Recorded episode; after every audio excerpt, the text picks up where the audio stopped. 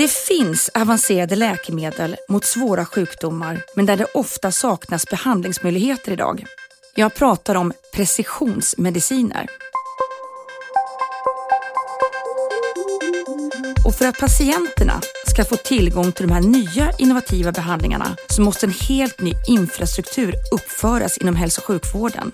Och för att rätt patient ska erbjudas rätt behandling vid rätt tillfälle behöver sjukdomen upptäckas i tid. En metod är genetisk nyföddhetsscreening, men idag har vi i Sverige betydligt färre sjukdomar i våra program än andra länder. I det här avsnittet ska vi prata om hur vi ska förhålla oss till precisionsmedicin och behandlingar som inte riktigt passar in i mallen när det kommer till hälsoekonomiska utvärderingar. Hur får vi fram en gemensam värdering så att vården och därmed också patienterna får tillgång till behandlingar som tidigare saknades? Du lyssnar på Genterapipodden och jag heter Elinor Persson.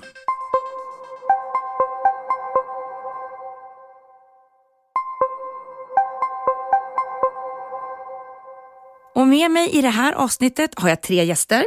Välkomna! Ni får presentera er själva Jenny Nordborg heter jag. Jag är nationell samordnare för Life Science och leder en verksamhet på regeringskansliet som vi kallar för Life Science-kontoret. Det är ett samarbete mellan Socialdepartementet, Utbildningsdepartementet och Näringsdepartementet. Och hur kommer det här med precisionsmedicin in just Life Science-strategin? Alltså det är precisionsmedicin som är egentligen omställningen av hela Life Science-området. Inte bara bedriva vård på utan föreställning för hur vi ska kunna jobba mer hälsosamt med oss själva eh, mer precis.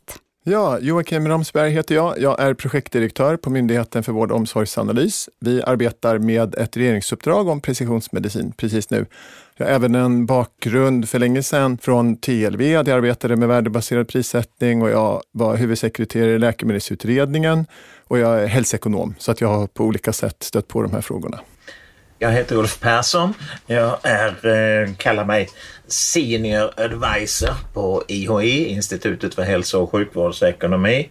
Där var jag tidigare chef på institutet och jag var också tidigare professor i hälsoekonomi vid Lunds universitet. Det är ekonomernas verktygslåda som vi använder inom hälso och sjukvården. Praktiska tillämpningar av ekonomisk teori i hälso och sjukvård. Joakim, hur ska vi som land förhålla oss till att det tar tid innan precisionsmediciner och genterapier når patienterna? Om det tar onödigt lång tid så är det någonting odelat dåligt för patienterna naturligtvis. Det är ju um, en, en, fråga som är viktig att arbeta med. Men sen kanske man ska lyfta ett par saker. Att dels finns det ju inte så väldigt många precisionsmediciner ännu, utan mycket bedrivs ju fortfarande som forskning och så vidare. Så att det stora inflödet har vi fortfarande framför oss. Och sen beror det lite på vad man jämför med, om man tycker att det tar väldigt lång tid eller inte, ska jag också säga. Vad är lång tid? Det vi kan titta på är hur lång tid det tar från att det finns ett EMA-godkännande till exempel tills att patienterna börjar använda medicinerna och där ligger ju Sverige inte högst i Europa, men vi ligger bland de länder som är snabbast i Europa fortfarande. Det beror lite liksom på hur man analyserar och sådär, men det är inte så att Sverige sticker ut som ett väldigt dåligt land. men ska vi nöja oss med det då? Alltså jag jobbar ju med att vi ska vara en ledande life science-nation. Vi har en nationell strategi för life science med en tydlig målsättning att vi ska vara, ligga i framkant vad det gäller att implementera in precisionsmedicin. Så där har vi ett tydligt mål. Men sen är det ju precis som Joakim säger, beroende på vad vi menar. Så precisionsmedicin handlar ju också om att ställa om hela hälso och sjukvården. Och vi är ju mitt uppe i en omställning mot en nära vård inte en primärvård på det sättet, utan en nära vård på riktigt. Där behöver vi också då implementera precisionsmedicin. Var, liksom, var i den här kedjan ligger den största utmaningen vad det gäller vad staten har brottas med? Vad säger du Joakim? Det finns enormt stora utmaningar på flera områden. Alltså att i alla led, från att uppfinna de här medicinerna, att göra själva innovationerna och så måste du hitta, alltså identifiera patienterna och så måste du få den informationen till den behandlande delen av vården och så ska du behandla patienterna och sen ska du ta hand om patienterna efteråt och så vidare. Det här är en lång kedja som innebär många olika logistiska och juridiska och tekniska utmaningar. Och en del av dem har staten ett väldigt tydligt ansvar för. Andra saker har sjukvården ett jättetydligt ansvar för. Andra saker tror jag är lite i en gråzon där man kanske inte är helt klart vem som har ansvaret ännu. Många lyfter till exempel finansieringsfrågan som en sån gråzon. Eh, jämlikheten är ytterst ett statligt ansvar att säkerställa en jämlik hälso och sjukvård. Eh, å andra sidan så är det inte staten som bedriver sjukvården så att själva jämlikheten måste ändå ske i sjukvården. Där märker vi att det ofta faller mellan stolarna, liksom, den, den frågan. Vad händer då om vi inte tar till oss genterapier och innovationer? Alltså, vi behöver ju säkerställa att vi hela tiden kan erbjuda den bästa möjliga vården. Men vad är då den bästa möjliga vården just nu? Det är ju också en balans mellan vilka är de bästa medicintekniska innovationerna, de bästa läkemedlen och den typen av eh, innovationer som vi behöver få tillgång till. Precisionsmedicin handlar ju otroligt mycket om diagnostik, att kunna sätta rätt diagnos i rätt tid till rätt patient. Och där tror jag att en av de viktigaste utmaningarna som står inför är att vi ska kunna jobba på ett samlat sätt nationellt med att göra så att alla får tillgång till samma diagnostikplattform överhuvudtaget. Det är en sån nyckelfråga, för får man inte rätt diagnostik, då är det svårt att få rätt behandling sen. Men sen nästa steg då, när man ska kunna få rätt behandling, ja, då måste den både kunna finansieras och betalas och införas. Det är en puckel för samhället att ta sig igenom. För vi tror ju att framtidens terapier kommer att kunna innebära också mycket besparingar för samhället. Vi kan ju ha botande behandlingar, det är ju helt fantastiskt. Men de kanske kostar jättemycket först att införa. Så samhällsekonomiskt kanske de är gynnsamma som helhet, men de kostar väldigt mycket för sjukvården sjukvården att införa. Nej, men jag håller helt med. Jag tycker att det här, alltså diagnostikdelen och att faktiskt hitta patienterna är ju nyckeln. Det är det som är själva precisionen, att kunna erbjuda behandlingar som är liksom skräddarsydda för varje individ. Det bygger ju på att du har data att analysera varje individ på och där finns många av de första stora utmaningarna tekniken, hur ska du göra det här? Och kunna göra det i skala i sjukvården. För det är en sak att göra det i små experimentella studier på universitetssjukhus, en helt annan att erbjuda det brett till patienterna. Där måste du få system som liksom en del av den ordinarie sjukvården. Och sen har du dessutom de här frågeställningarna runt möjligheten att samla in och använda data på ett sätt som skyddar personens integritet och som inte är i strid med lagen och så vidare. Det här är de första jättestora utmaningarna. Men hur skapar mm. vi då ett system som gynnar innovation och stora utvecklingskliv samtidigt då som vi ska värna skattebetalarnas pengar? Vi måste ha incitament för eh, de som jobbar i vården att kunna jobba med sitt eh, uppdrag för eh, forskning och innovation. Och att det inte ses som en kostnad, även om det kanske är en kostnad idag, så är det en vinst för morgondagen. Det är som en sån nyckel att följa upp på eh, forskning och innovation som tar lite längre tid än för årets budget. Men det är ju lättare sagt än gjort. För frågan är vem som ska betala och när det ska betalas. Ja, I slutändan för vårt välfärdssystem så är det ju väldigt mycket liksom, eh, hela skattebasen, eller skattebetalarbasen, som betalar. Frågan är väl var det ansvaret ligger. Och det ansvaret ligger ju idag på sjukvårdshuvudmännen att kunna införa den, att implementera det, att kunna följa upp Eh, på de olika delarna när vi väl har behandlingar framme. Men en annan sak som jag tycker är oerhört viktig i det här sammanhanget är ju förutsättningar för patienter att kunna vara med i kliniska studier. Alltså innan läkemedel eller medicinteknisk innovation är godkänd, att faktiskt kunna få en tidig introduktion och att det också ska vara jämlikt. Det, det hoppas jag ganska mycket på Vårdanalys och Vårdanalys uppdrag inom precisionsmedicin, att ta fram en annan kunskapsbas än den vi har idag. Men du håller med om Jenny att idag eh, så har vi inte ett system som är byggt för att ge stöd för innovationer inom vården. Jag tycker det är väldigt mycket som vi kämpar med. Vi ska inte säga att vi är sämst i klassen på det, för vi har många olika regioner som ligger i framkant med att vara innovationsmotorer inom en rad olika sätt. Men vi har inget bra sätt att fånga upp eh, nya arbetssätt och sen brett införa dem överallt i landet. Ulf, vi har ju ett hälsoekonomiskt utvärderingssystem. Eh, skulle du säga att avancerade cellterapiläkemedel passar in i det? Nej, det gör det inte. Vi ska komma ihåg att de här nya cell och genterapierna, de är ett ordentligt genombrott. Det finns en eh, sammanställning där man har jämfört hur mycket hälsa vi får till följd av behandlingarna. Och då har man jämfört med eh, vanliga biologiska läkemedel och man har jämfört med vanliga konventionella läkemedel. Och eh, när man tittar på ett stort antal sådana så får vi ungefär per patient får vi så mycket hälsa så det motsvarar ett halvt kvalitetsjusterat levnadsår per individ. Det är ju ett mått som hälsoekonomerna brukar använda men ett, ett halvt fullt friskt år är genomsnittet på konventionella läkemedel och biologiska. När vi tittar på nio stycken sådana här gen och cellterapier så har man räknat ut att de ger nästan sex fulla levnadsår per individ. Det är alltså tio gånger så mycket. Mer än tio gånger så mycket per individ. Det är alltså väldigt mycket hälsa de ger.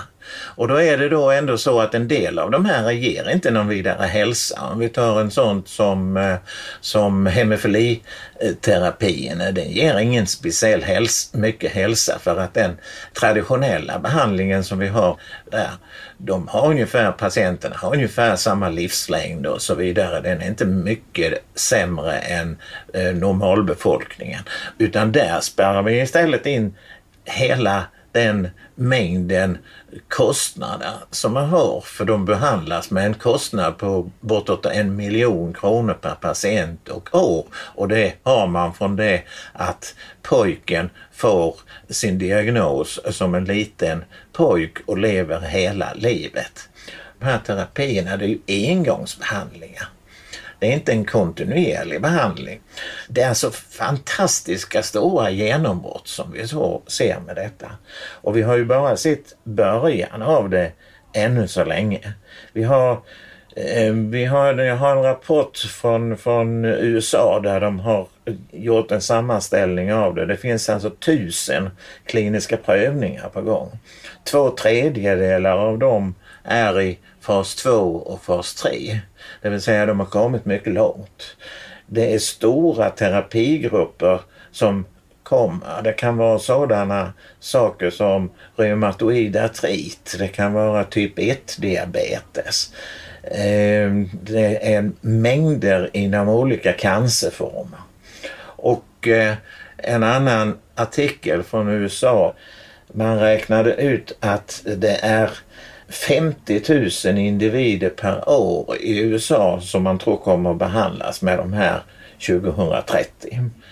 Skulle vi göra eh, samma skattning för ett litet land som Sverige så skulle det röra sig om 1 till 2 000 patienter årligen 2030.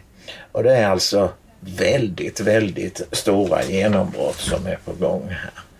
Eh, nu är det då så att eftersom det är så stora hälsovinster och så stora kostnadsbesparingar på en del av dem. Så är det klart att i ett sådant system som vi har för prissättning av eh, läkemedel så klart att det blir höga kostnader på de här. De är ju värda mycket och då blir det höga priser naturligtvis måste betala för innovationerna annars så får vi inte några heller. Och det här har ju lett då att vi är ju uppe i helt andra priser på det. När vi sätter igång en sån här äh, behandling av en blödarsjuk pojk, en hemofilipojk, så kanske vi tar på oss en framtida kostnad på en 50-80 miljoner eller vad det nu skulle kunna bli om, inte, om priserna blir likadana i framtiden, vilket vi naturligtvis inte vet. Men i alla fall, vi startar en, en, en kostsam behandling. I det här fallet om vi då har en genterapi för detta istället, alltså en behandling som har en potential att bota den här hemofilikan. Det är klart att det kommer ju att bli en Eh, värt en massa pengar det här. Och eh, vi vet inte riktigt var de här priserna hamnar Men man pratar om kanske 20-30 miljoner för en sådan behandling. Så även om vi skulle liksom då kunna motivera det här höga priset för en engångsbehandling eftersom vi inte behöver hålla på och ge dem behandlingar varje år framåt så klart att det är ju Eh, det här ställer ju till en helt annan utmaning för oss att kunna få in stora betalningar in i ett budgetsystem som inte är anpassat för detta. Vi har ju en viss budget och eh, den är ju på året och när vi sprider ut en behandling under många, många herrans år så, så gör ju inte det så mycket. Men att plocka fram alltihop detta rakt upp och ner Alltså jag tycker det är ett par saker som Ulf lyfter fram som är så oerhört viktiga. För det första är det kunskapen kring vilka verkningar den här typen av terapier faktiskt kan få. Där är forskningen inom hälsoekonomin så otroligt viktig. Ulf pekar på det, hur otroligt eh, mycket eh, livskvalitet det här kan ge. Det tror jag beslutsfattare behöver, den här kunskapen. Och den andra delen är ju att det här handlar ju inte alls bara om sällsynta diagnoser som hemofili eller Skellefteåsjukan. Det handlar om de stora, breda folksjukdomarna som diabetes, som cancer. Alltså, det är därför det här är ett sånt stort paradigmskifte. Och det jag tror att vi behöver andra finansieringsmodeller för, det är där det offentliga och det privata kan dela risk. Hur delar man risker i de olika stegen för införande? Men hur ska det gå till då? Alltså ska man koppla betalning mot hälsoutfall? Det gör vi ju idag. Vi har ju ett så kallat eh, värdebaserat prissättningssystem på eh, läkemedel och på många, många andra saker också. Och det betyder att eh, vi ska betala för den nyttan som vi får, inte för eh, en massa andra konstiga saker. Det är det som är den stora utmaningen också. Vi har två jättestora utmaningar. Den ena är då att vi får inte fram pengarna eftersom de ska läggas upp på bordet på en gång. Den andra stora utmaningen är ju att om det är en engångsbehandling med en stor effekt som varar under lång tid, alltså det är ju en potentiell bot vi pratar om, då är det ju väldigt stor osäkerhet. Håller det här verkligen? Kan vi vara säkra på att eh, alla patienterna svarar på behandlingen? Nej, det kan vi inte vara. Hur kan vi vara säkra på att behandlingen håller under lång tid, under en livstid framåt? Eller eh, avklingar effekten efter tio år så att det inte är så bra längre vi får börja med traditionell behandling efter en viss tid igen. Eller hur? Och detta är ju osäkerhet som vi måste bygga in i betalningsarrangemanget. Jag tror det handlar väldigt mycket om att vi måste lita på varandra här också. Men ser du ändå att det finns en lösning? Jag menar, det handlar om att man ska utvärdera en effekt långt fram i tiden. Och om man då ska koppla betalning mot hälsoutfall, då finns det väl en risk att det är nästa generation som står som betalare?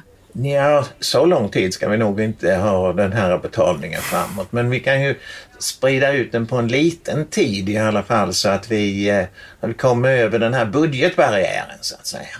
Och sen så kan man väl försöka hitta en rimlig tidshorisont. Jag menar, vi kan inte hålla på hur länge som helst på det här för att det kan ju komma in nya terapier framåt.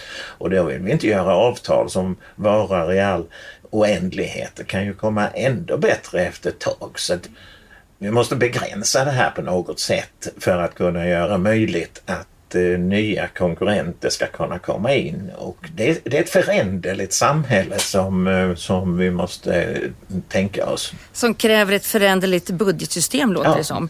Eh, Joakim, det här är komplext. Det får man ju säga och jag tycker nu flera viktiga saker kommer upp här. Men jag vill trycka på en sak som har blivit tydlig under samtalet. Det är att jag tror inte det i första hand är värderingsmetoderna. Vi kan absolut värdera botande behandlingar i våra hälsoekonomiska modeller. Det är inte i sig det problematiska. Finansieringen är en annan fråga. Det är den, ofta den som är komplicerad och vi kan vara lite mer, ännu mer specifika här ju och säga att det som är komplicerat med finansieringen handlar väldigt mycket om det som Ulf är inne på, risk och osäkerhet. Och varken läkemedelsindustrin eller regioner eller sjukvårdshuvudmännen är särskilt bra på att hantera risk. De är liksom inte riggade för detta. Det är kärnfrågan. Och de, alltså, man ser en del förslag på prisavtal och sådär runt de här nya terapierna. Och ett dilemma där är att de sträcker sig ofta så långt som prövningarna sträcker sig. Du vet, om prövningen är tre år, då är avtalet på eh, någon sorts annuitet på tre år. Det, bara, det adresserar inte alls det problem som sjukvårdshuvudmannen har med att köpa detta. Därför att så länge det finns prövningsdata så känner de sig också ganska trygga med att det här har effekt. Och då är du inne på det som Ulf säger, hur ska du kunna göra avtal på 20 år? Alltså de, läkemedelsindustrins för, alltså de företagen är inte gjorda för att hantera 20-åriga risker. Det är ju banker och försäkringsbolag som är gjorda för att hantera risker på den tidshorisonten. Så att här, här har vi en ganska stor eh, utmaning.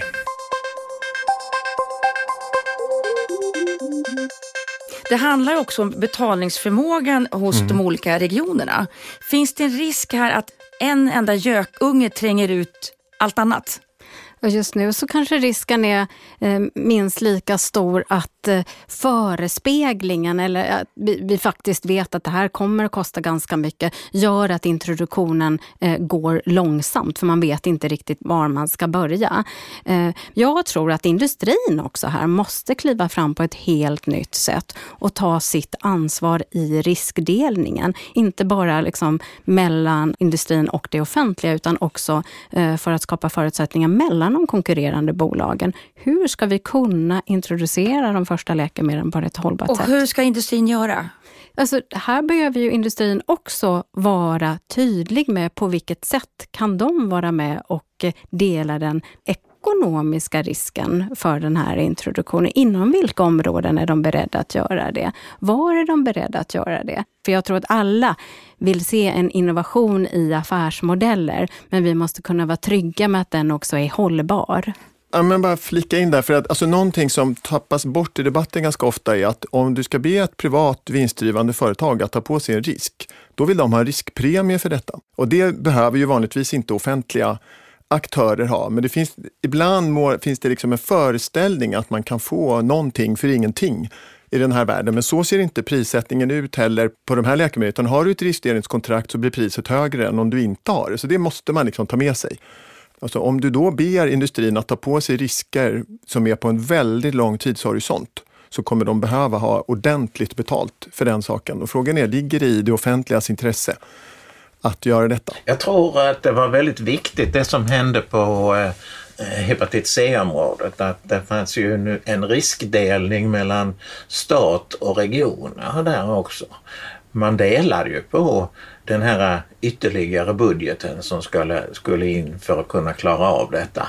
Och eh, man delade väl ungefär jämnt på denna budgeten. Och sen så hade man då en flexibilitet i detta. Att man var inte låst vid den kortsiktiga eh, budgeten utan man kunde lägga in ytterligare en och en halv miljard varje år i två, tre år på det hela och då kunde man möjliggöra detta. Så jag tror att det är den typen av flexibilitet i budgetsystemen som man måste nog vara öppen för. Men jag skulle inte, för att hålla terminologin liksom lite rakt där, så det förstnämnda är inte riskdelning, att staten går in och betalar. Det är ett tillskott till finanserna i, i regionerna där de säger att de tar en viss del av kostnaden för att möjligtvis då överbrygga en tillfällig finanspuckel utan att regionerna ska behöva ta lån eller höja sina skatter. För att här hade du liksom en väldigt stor stock av patienter som du behövde bota av så att säga. Eh, vilket ju, man ska säga har gjorts väldigt framgångsrikt i Sverige. När man då, om man nu vill tycka att Sverige har ett väldigt dåligt system kan man säga att vi är ett av få länder som förmodligen kommer nå det globala målet att ta bort hepatit C som sjukdom. Men om du har en annan sjukdom som till exempel blödarsjuka där det föds en ny kull varje år. Det, liksom, det kommer inte hjälpa. Att, alltså det är klart att första året har du lite fler att behandla, men sen kommer du behöva behandla lika många varje år. Så det spelar liksom inte så stor roll om du får en annuitet för den typen av sjukdomar. Man måste liksom skilja på de här olika eh. Jo, men jag tror att det är samma sak med, den här, det, med detta att vi kan ha en budgetbarriär i, i det hela. Och det var den jag ville peka på med hepatit C, att vi mm. kom över budgetbarriären på det. Och den kan vi mycket väl råka ut för återigen och kanske gör redan när det gäller gen och cellterapierna. Inte av den anledningen att den ännu så länge har varit så många men eftersom det är en engångsbehandling och och eh, pengarna ska liksom ut eh, med en gång. De som vi har redan släppt in, alltså det finns ju två stycken eh, eh CAR-T-behandlingar för för cancer, leukemi och lymfom där har vi ju inget vidare bra upptag på de här. Jag såg en siffra på att vi hade sju patienter som hade fått det där. Och här tycker jag att vi måste fundera om vi verkligen har gjort det på rätt sätt. För när det gäller de två eh, behandlingarna så har alla de stora europeiska länderna, de har byggt upp betalningsarrangemang på dem så att man sprider ut betalningen över tiden.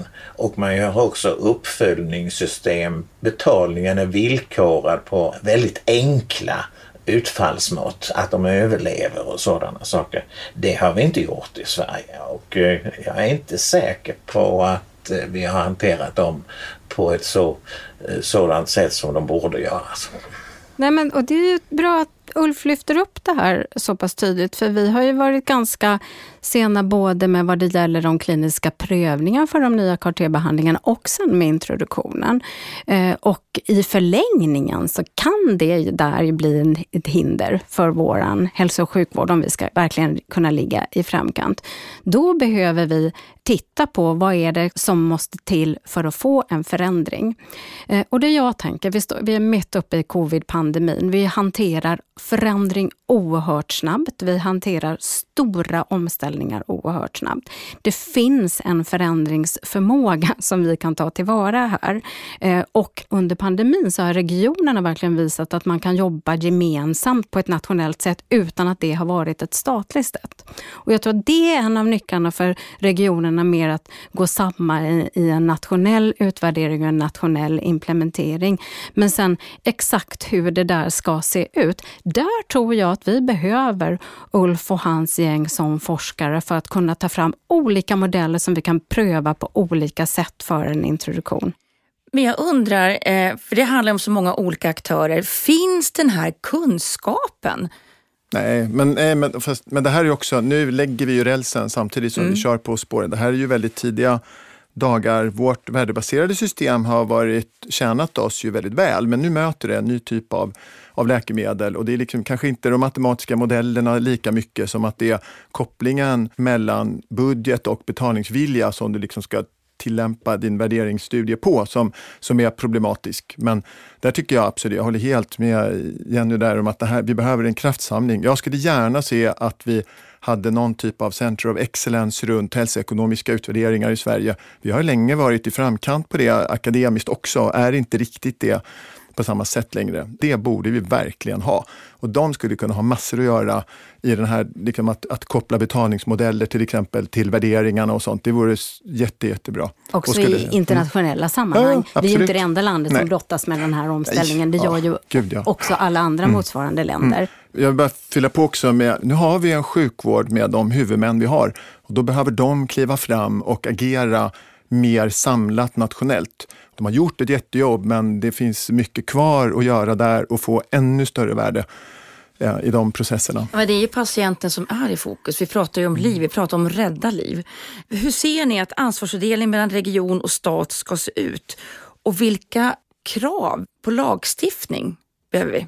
Alltså jag, vi har ju det ramverket som vi har och eh, jag kan nog tänka att eh, de här, många av de här terapierna har ett par år till på sig i pipeline, men flera av dem är här och nu. Precisionsmedicin är egentligen inte någonting för framtiden. Det finns redan.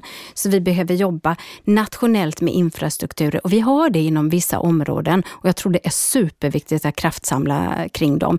Till exempel kring genetisk diagnostik, att varje patient ska få förutsättningar för samma typ av diagnosinstrument för att kunna matcha mot rätt behandling. Men vad det gäller då eh, betalningen Alltså, det är den absolut stora knäckfrågan, hur betalningen ska se ut. Den har vi diskuterat hela här eh, i hela podden på de olika sätten. Eh, och jag återkommer till att jag tror att vi behöver innovation också i betalningsmodeller. Vi måste testa många olika sätt att göra den här typen av introduktioner. Och då kan de kanske inte vara på en hel panel redan från början, men vi måste testa på olika sätt för olika patientgrupper. Är ni förhoppningsfulla? Absolut. Jag är jättepositiv. Vi har ju eh, många forskargrupper som ligger verkligen i framkant och eh, vi har en, eh, en stor eh, enighet egentligen om att det är jätteviktigt att ge patienter jämlik och effektiv tillgång till det här. Och sen så kommer det finnas lite, eh, eller ganska många hinder att snubbla på längs vägen och så vidare. Men det är jag helt övertygad om att vi om tio år kommer ligga i framkant. Sen om vi kommer ligga etta, liksom, det kan man inte lova kanske, men men vi kommer ligga långt fram. Ambition, kanske? Absolut ska vi ha som ambition, men vi kommer ligga långt fram, det är jag säker på. Jag har väldigt stort hopp. Och eh, egentligen så är det ju bara positiva saker som vi pratar om i grunden. Vi pratar om en mängd nya innovativa behandlingsmetoder som inte bara förlänger livet utan också så mycket förhöjer livskvaliteten. Och för Sverige som life science-nation så är det också viktigt att vi har de företagen här som vill göra de sakerna för de skapar väldigt mycket intressanta, spännande jobb. Så frågan är dubbel för oss. Det handlar både om vår hälsa och konkurrenskraft.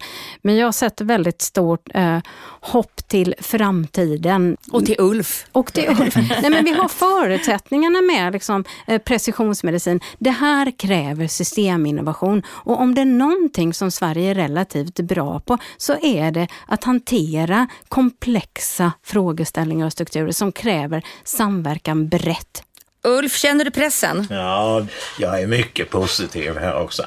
De överlevnadsvinsterna, de livskvalitetsvinsterna och de potentiella kostnadsminskningarna som vi ser ibland också. Det är ju alla de värdedrivarna som är så viktiga också. Tusen tack för att ni var med. Jenny Nordborg, nationell samordnare för Life Science. Joakim Ramsberg, projektledare på Myndigheten för vård och omsorg och Ulf Persson, Senior Advisor på Institutet för hälso och sjukvårdsekonomi, IHE. Du har lyssnat på Genterapipodden, en serie om aktuella frågor inom precisionsmedicin och genterapi från Novartis Gene Therapies. Och mer information kring ämnet hittar du på novartis.se. Jag heter Elinor Persson. Tack för att du lyssnade.